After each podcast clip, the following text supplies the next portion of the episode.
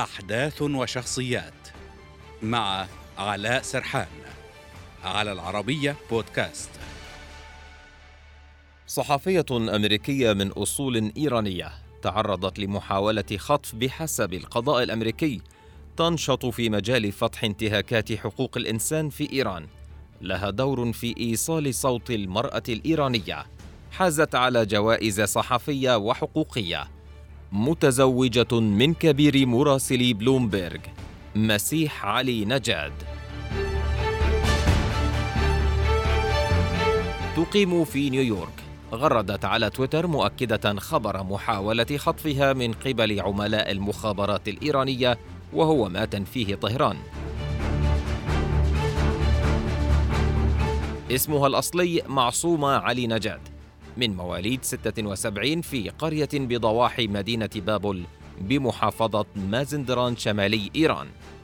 قبل انتقالها إلى المنفى عملت في إيران كصحفية وكاتبة وناشطة في مجال حقوق المرأة وأسست حركتي الأربعاء البيضاء والحريات الخفية. حياتها المهنية بدأت عام 91 بالعمل في صحيفة التضامن الإيرانية وتعاونت لاحقا مع وكالة أنباء إلنا العمالية وفجرت جدلا خلال تغطيتها في البرلمان بكشفها عن دفع عشرة ملايين ريال للنواب كعيدية. خلال فترة عملها في صحيفة اعتماد مل الإصلاحية كتبت مقالات مثيرة للجدل بعنوان أغنية الدلافين شبهت فيها سلوك محمود أحمد نجاد بسلوك مدربي الدلافين. وفي عام 2010 أسست مع عدد من الكتاب والمثقفين الإيرانيين مؤسسة ندى إيران. تزوجت مسيح علي نجاد مرتين. زوجها الثاني يشغل منصب كبير مراسلي بلومبيرغ كامبز فروهر وهو أمريكي من أصل إيراني.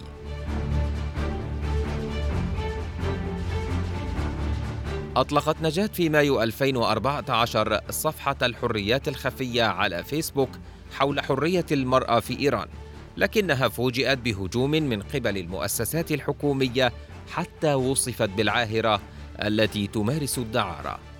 لها مؤلفات أبرزها كتاب الاعتصام تتحدث فيه عن اعتصام نواب البرلمان الإيراني في دورته السادسة احتجاجا على الرفض الواسع لأهلية المرشحين من قبل مجلس صيانة الدستور في الانتخابات البرلمانية. وكتاب تاج من الشوك حول نشاطاتها كصحفية في البرلمان وأيضا كتاب أنا حرة. كما أنها فازت عام 2006 لأول مرة بجائزة أوميد من قبل مؤسسة مهدي السمسار بعنوان صحفية شابة مختارة. وفي عام 2014 حازت على جائزة حقوق المرأة لعام 2006 من قمة جنيف حول الديمقراطية وحقوق الإنسان.